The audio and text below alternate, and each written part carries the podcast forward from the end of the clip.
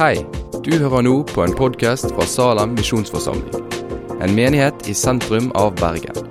Vil du vite mer om oss eller komme i kontakt med oss, gå inn på salem.no.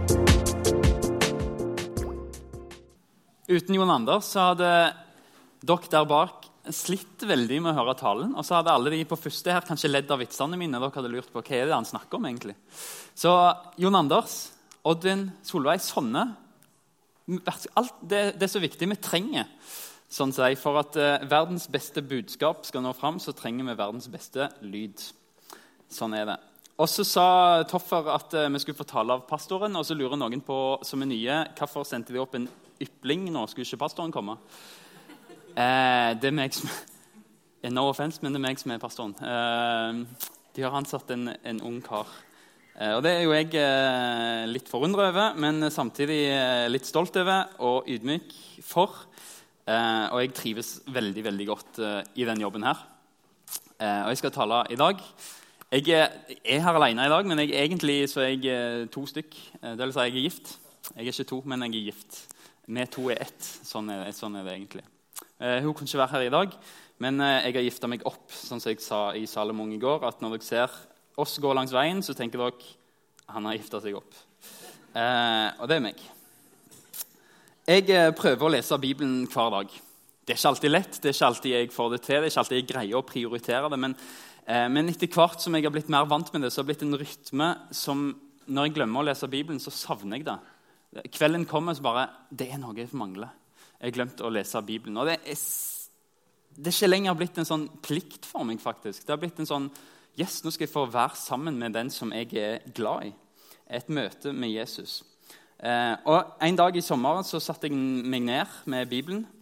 En gang, det er vanskelig om sommeren, spesielt for døgnrytmen forandrer seg veldig. Men jeg satte meg ned, åpna Bibelen, og så traff Gud spikeren på hodet. Og så ser dere på meg, og så tenker dere ok, kanskje det er frimodig å kalle deg for en spiker. Eh, etter noen kilo så når jeg var i Tyrkia og badeshortsen på, så så jeg at det kommet noen sånne gjenger her. så det er kanskje mer en skrue etter hvert. Men uansett så traff, traff Gud meg. Eh, og jeg håper at dere vil høre, for dette ble mitt vitnesbyrd. Eh, og det er ikke søndagens tekst. Eh, det beklager jeg at vi, vi endrer den. Men jeg tror jeg har et budskap til dere som, som vi skal gjøre. Teksten er fra 1. Timoteus 12. Eh, først, det er ikke 12 kapittel i 1. Timoteus. 1. Timoteus kapittel 1, vers 12-7. Og Vi skal ikke lese den, men vi kommer til å komme gjennom den i løpet av hele talen. Vi skal begynne med å be. Kjære far, eh, takk for at du har gitt oss alt vi har. Takk, Jesus, for at du har gitt oss eh, de fleste av oss mer enn nok eh, til at vi kan gi tilbake til deg, Jesus. Jeg ber om at du velsigner de gavene som, som har gitt i kollekt. Jeg ber om at du bruker dem til vekst i ditt rike. Kjære far, så vil jeg jo be for Eli Grete. Jesus, takk for at hun er frimodig og går når du sender. Minn oss på Jesus og husk på henne, til å be for henne, til å sende oppmuntringer.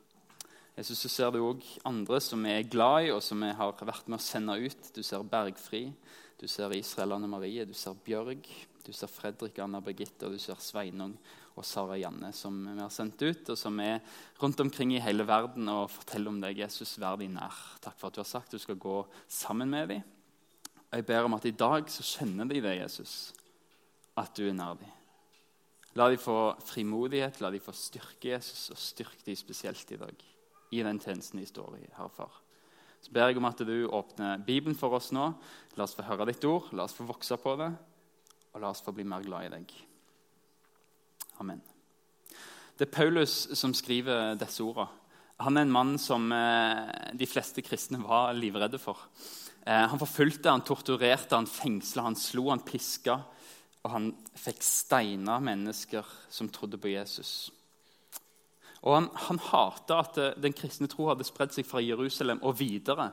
Nå var det folk som trodde i Damaskus, og Han kunne ikke fordra at denne bedrageren av en tømmermann fra hedningenes Galilea kalte seg Messias, og at folk hadde begynt å tro på han, og det hadde spredt seg.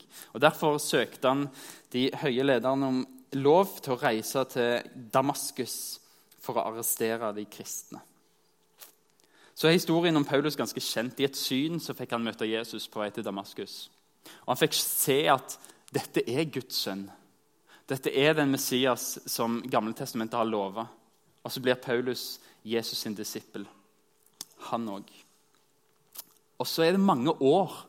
Det går 17 år på et lite avsnitt i Bibelen der Paulus bruker 17 år på å bli kjent med Jesus, på å lese i Bibelen, på å lære seg hvem denne Jesus er, før han gjør noen ting som helst.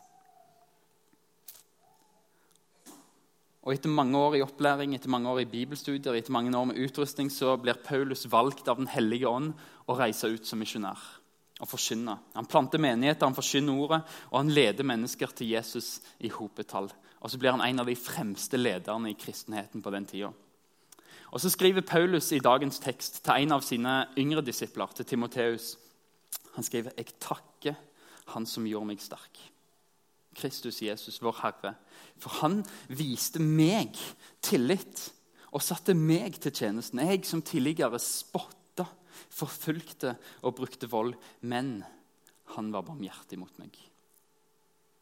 For i min vantro visste jeg ikke hva jeg gjorde, og hva Herres nåde har vært overstrømmende rik og har gitt meg tro og kjærlighet i Kristus Jesus. Paulus er full av takk. Han som tidligere var terrorist, han som terroriserte i kristne og fikk de steiner til og med, han møtte Jesu barmhjertighet, Jesu nåde. En nåde som er større enn alle synder du greier å mønstre. Frivillig eller ufrivillig, som du greier å mønstre. Paulus bruker ordet overstrømmende rik.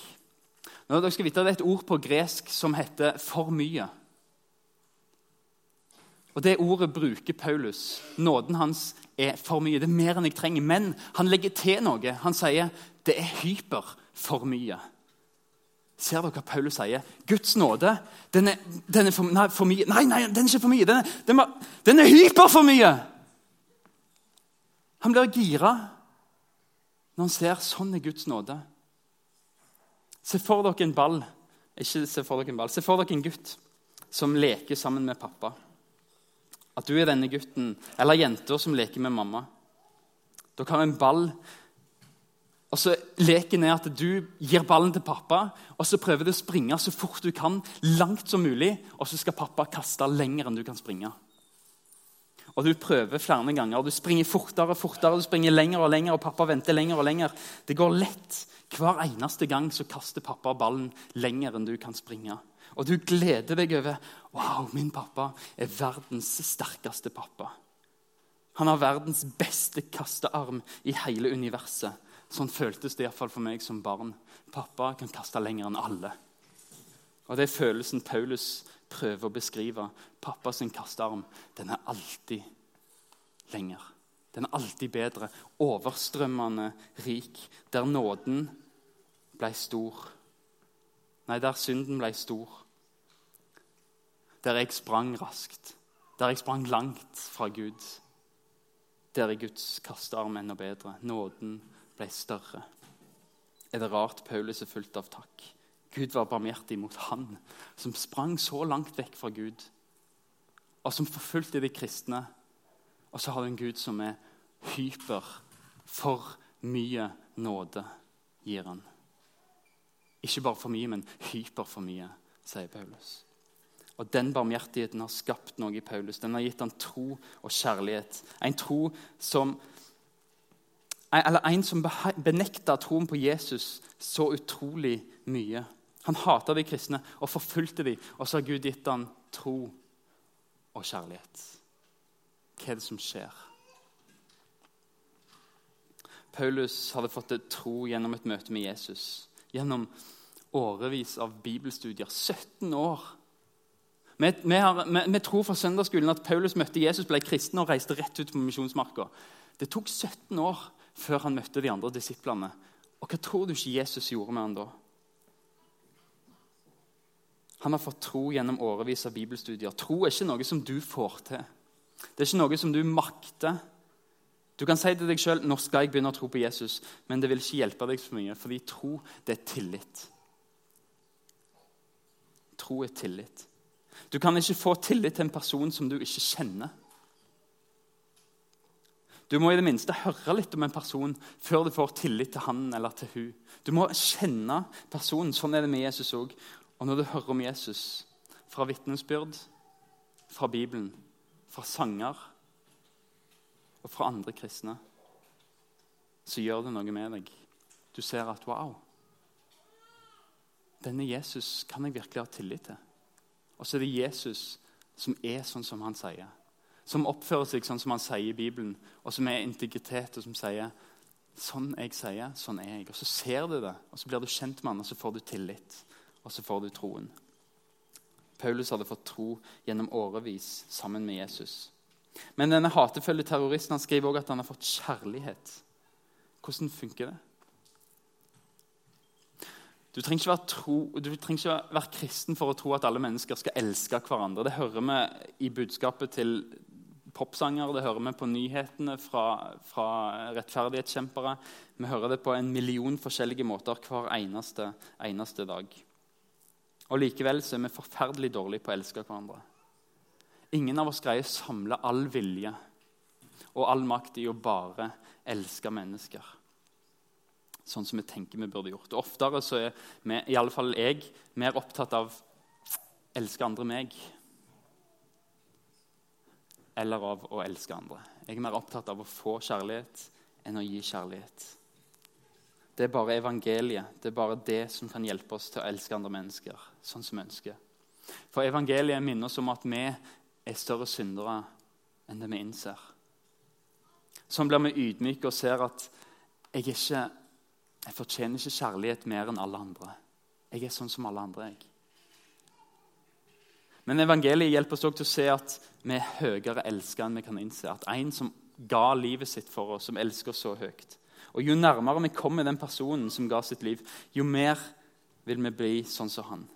Jo mer Den hellige ånd får være i oss, jo mer lik Jesus blir vi. Jo mer får han kultivere en kjærlighet til Gud og neste i ditt liv. Det er bare evangeliet som hjelper oss til å se at vi er høyt elska. Det er bare evangeliet som får oss til å bli mer lik Han som elsker oss, oss til å elske andre mennesker. Jesu barmhjertighet ga tro og kjærlighet til Paulus. Det er Gud som skaper noe helt nytt. Fordi Paulus hadde ikke tro, han hadde ikke kjærlighet før han møtte Jesus. På samme måte som Jesus delte historien i to når han ble født før Kristus og etter Kristus. Sånn er det i våre liv òg. Paulus så det. Der møtte jeg Jesus. Der fikk jeg tro, og der fikk jeg kjærlighet. Og Sånn er det med oss òg. Det fins et før Kristus, og det fins et etter Kristus. Fordi han skaper av ingenting. Han gir oss tro, han gir oss kjærlighet, han gir oss nåde, han gir oss frelse, han gir oss liv der det før var hat, der det før var død og mørke. Det er Gud som skaper noe helt nytt. Dette har satt Paulus på et sted der han takker Jesus for at han har fått tilliten til å være i tjeneste. Han som var en stor synder, er plutselig Jesu verktøy til å spre evangeliet. Eller, Han var ikke bare en stor synder, sier han, for vi sier det med Paulus' sine egne ord. Det er et troverdig ord og vel verdt å ta imot at Kristus Jesus kom til verden for å frelse syndere, og blant dem så er jeg den største. Vi er så flinke på å si at Jesus kom for å frelse syndere. I alle fall er jeg det. Men evangeliet det blir ikke noe som driver deg før du innser at ja, han kom for å frelse syndere. Men han kom for å frelse meg.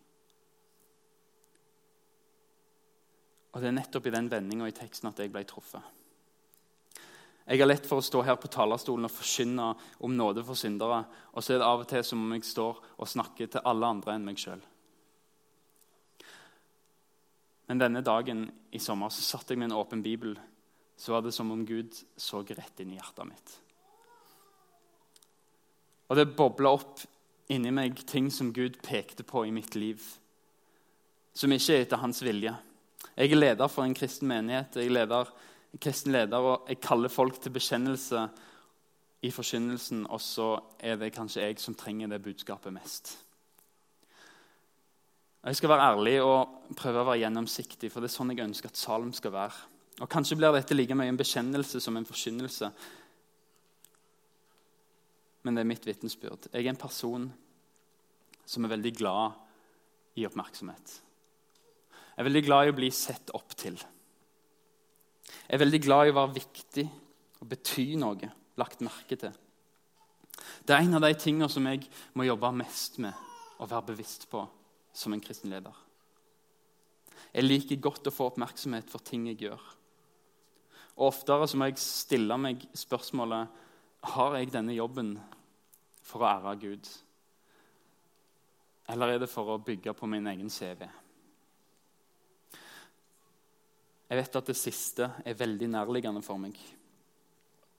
Og det har seg sånn at Jeg er en ganske stor egoist. Jeg har en tendens til å tenke på hvordan kan dette gagne meg framfor andre. Jeg liker å være godt likt. Og De ordene jeg noterte meg i min notatbok når jeg satt over den teksten i ferien, det var egoistisk og sjøloppblåst. Helt totalt avslørt, der Guds ord som et sverd skjærer rett inn og avslører alt som ligger inni meg. Og så sier han, 'Kristian, jeg vet det. Du har en tendens til å være han fariseeren som tror du er så mye bedre enn alle andre. Og kanskje er det verste at du bare later som om alt er greit. Det er hykleriet. Jeg forkynner om synd og nåde, men sjøl er jeg totalt avhengig av det budskapet som jeg forkynner. Jeg er ikke bedre enn noen. Disse tankene ga Gud meg over den teksten. Og Der jeg satt med en åpen bibel, med en notatblokk på bordet og blyanten i hånda, så er det som Gud sier til meg, Kristian Paulus så det, at han var den største synderen av alle. Men ser ikke du at det gjelder deg? Ser ikke du når du ser inn i ditt indre, ser ikke du at det gjelder deg? Det gjelder deg.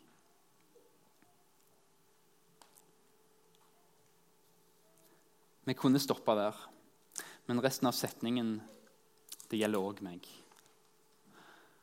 Jesus kom til verden for å frelse syndere. Det gjelder òg meg.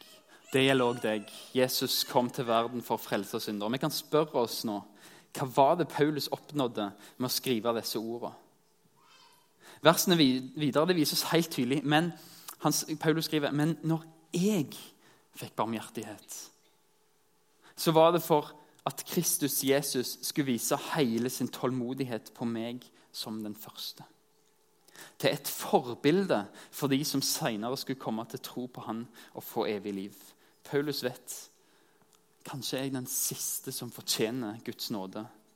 Men så sier han, men hør nå, hvis jeg fikk nåde Jeg som var en terrorist, jeg som drepte kristne, når jeg fikk nåde, når jeg ble forvandla til å bli en menneskefisker i stedet for en terrorist, så er det bevis på Guds tålmodighet og Guds barmhjertighet. Se hva Gud gjør. Når Paulus kan bli forvandla, så vil Paulus at vi skal tenke ja, hvis han kan det, så kan jeg òg det. Han som var livredd skulle drepe oss, Gud kaster ballen lenger enn det Paulus kunne springe. Han kaster lenger enn det jeg kan springe. Det ble til oppbyggelse for meg når jeg satt og leste dette. Og det med meg som er Paulus, når jeg som er en egoist og liker oppmerksomhet og liker å bli sett opp til, likevel kan brukes av Gud, så beviser han noe. Han beviser at han er tålmodig. Han må gang på gang ydmyke meg og si Kristian, du er så totalt avhengig av stab, av styre, av ledergrupper, av alle frivillige i Salem. Dette er ikke bare deg. Han må vise det meg hele tida. Men han er tålmodig hele tida og barmhjertig og gir nye sjanser og viser meg nye ting. Han viser at han er barmhjertig. Jesus kan bruke meg. At jeg er i tjeneste, er ikke noe mer enn bevis på en tålmodig kjærlighet som åpner opp for at alle kan få nåde. Sånn viste Gud det til meg.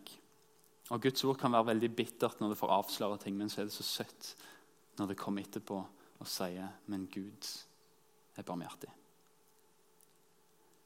Han som er konge i evighet. Den uforgjengelige, usynlige, eneste Gud. Han varer pris og ære i evighet. Amen, skriver Paulus. Det han sier, er Jesus forgår aldri. Heller ikke hans tålmodighet, heller ikke hans barmhjertighet eller hans nåde. Og det er mitt håp. Det forgår aldri. Han kaster alltid lenger. Når jeg er troløs, så er han trofast. For han kan ikke fornekte seg sjøl. Det er sånn han er. Det er sånn han er. Når jeg er troløs, så er han trofast. Helt til slutt hva har det å si for oss? Det Paulus skriver, det, det, har noe å si for det kristne fellesskapet. Det har noe å si for, for oss i Salem. Noen momenter som vi skal ta med oss. For det første Kirka skal være et plass der det er OK å ikke være OK. Det er helt greit å ikke være perfekt. For vi er ikke et museum for perfekte mennesker, men vi er et sykehus for syke mennesker. Det er kirka. Vi er til for de som ikke er perfekte. Og Så kommer vi sammen, og så får vi peke på han som er perfekt, og som gir det livet til oss. Han som er det hvetekornet som måtte dø for at nytt liv skulle spire i oss. Han får vi peke på og si så det er en som døde for oss for å gi oss liv. Det er det kirka er. Vi kommer sammen som uperfekte, og så sier vi men vi har en garantist for at vi får slippe inn i en rettferdig himmel. For det andre vi blir ikke et bedre kristent fellesskap av å ta på oss maskene før vi kommer til salen. Paulus kunne skrevet Se på meg, jeg er en god leder, følg mitt eksempel. Han gjør ikke det. Du blir ikke varmere fellesskap av å gjemme deg bak en fasade. Jeg tror vi vokser som fellesskap når vi prøver å være ærlige og gjennomsiktige, sånn at vi kan bære hverandre sine byrder. En av nøklene til intimt fellesskap er å bekjenne syndene for hverandre, tror jeg. Det første vi må bekjenne her i salen, er kanskje at vi, vi ikke er flinke nok til å bekjenne for hverandre. At vi ikke slipper masken vår, kanskje. Jeg vet ikke. Jakob skriver 'bekjenn da syndene for hverandre og be for hverandre, så dere kan bli helbredet'.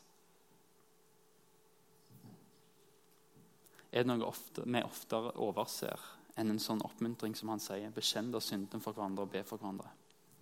Et fellesskap som elsker hverandre. Det er et nådefellesskap som gjør at vi kan være åpne og bekjenne syndene for hverandre. I visshet om at vi blir tatt imot med nåde. Vi vil bli tatt imot, ikke ledd av, ikke støta ut, men men sagt.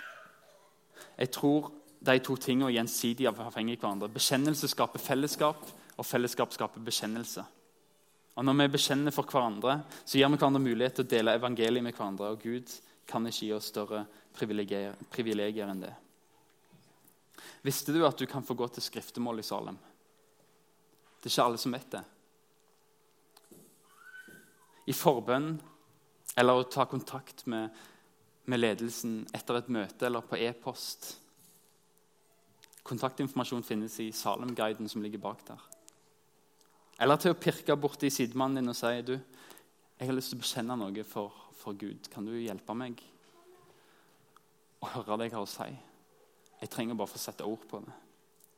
Skriftemålet er en måte å ta imot Guds nåde på. Det kan gi oss hjelp til å tro på tilgivelsen og til å få, få legge av oss dette en plass.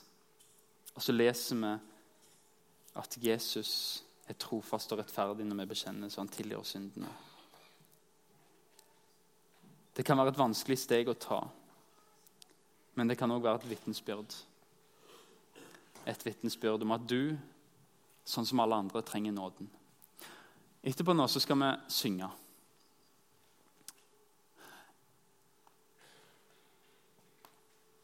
Men vi skal ha forbønn. Og Der er det mulig å få komme inn. Jeg kommer til å sitte der. Marius kommer til å sitte der. Og så kommer vi til å be for alt om du har en skade, en sykdom. Om du vil be for barna dine som kanskje flytter til en annen by for å studere. Om det er noe på jobb, på skole, hva som helst stort, lite. Vi vil be for alt i livet ditt. vi vil være der. Men samtidig så skal du også få komme og få bekjenne synder. Og så vil vi lese 1. Johannes 1,9 og si at når vi bekjenner, så er Jesus trofast og rettferdig, så han renser oss for all urett og tilgir våre synder. Og så skal du få legge det av en plass og få høre tilsigelse av syndenes forlatelse. Og så har vi kanskje en sånn kultur for at forbønn er ikke noe vi gjør. Jeg syns det er synd, fordi jeg syns det er herlig å være i Salomon når det kommer Folk går i massevis inn til forbønn.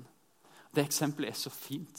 Det er for, for være i Salom og se folk som går til forbønn, og så ser du vi er ikke en menighet der alle fikser alt. Vi er avhengig av å legge ting av oss.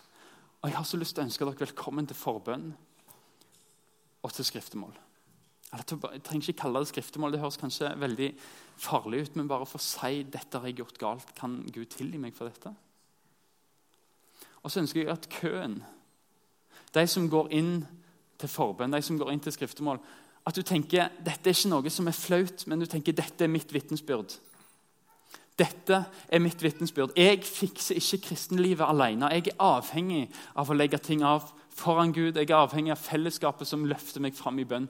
La det være et vitnesbyrd å gå til forbønn. Jeg hørte en en gang som var i en menighet som ikke var kristen. Og Så kalte de inn til forbønn, og så masse folk gikk til forbønn. Så sa han nå vet jeg at kristne ikke er hyklere. For se hvor mange som trenger hjelp med livet sitt. De går fram der og de trenger forbønn. De går frem, de trenger å bekjenne feil de har gjort. Det var et vitnesbyrd som sa nå vet jeg at de tror på det de tror på. Nå vet jeg at de lever etter det.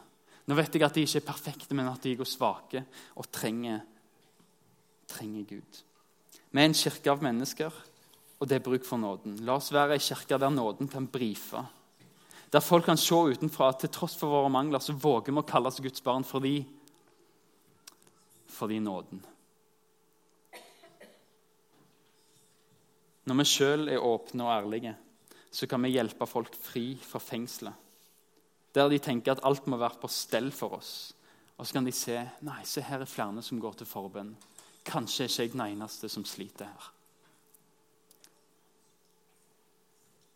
Vårt mot til å være uperfekte gir andre mulighet til å komme fram med sine feil. Og Når vi gjør det, så straffer ikke Gud oss, men han belønner oss. Fordi der vi tør å være svake, der kan nåden ta bolig. Min nåde er nok for deg. For kraften fylles i svakhet, sier Jesus. Derfor vil jeg helst være stolt av mine svakheter, for at Kristi kraft kan ta bolig i meg, sier Paulus. Og så bygger det fellesskapet. Det å få være nådebringere for hverandre. Det å vise at jeg er ikke perfekt, jeg trenger tilgivelse, jeg trenger forbønn. Disse to legoklossene Hvis du tar de to polerte flatene de to fasadene og klikker de sammen, så henger de ikke så veldig godt fast. Men hvis den ruglete sida får møte hverandre, så hører de sammen. Det er sånn det er meint å være. Og jeg tror det er sånn kristent fellesskap er òg. Når vi tar den polerte, blankpussa sida fram i Salem, så vil fellesskapet ikke helt henge sammen. Men når du tør å vise de ruglete sida, og når noen får møte deg med Jesu nåde og be for deg og si syndenes tilgivelse over deg, så tror jeg vi bygger fellesskapet, og vi hører bedre sammen. Og vi bygger den kirka som Gud vil.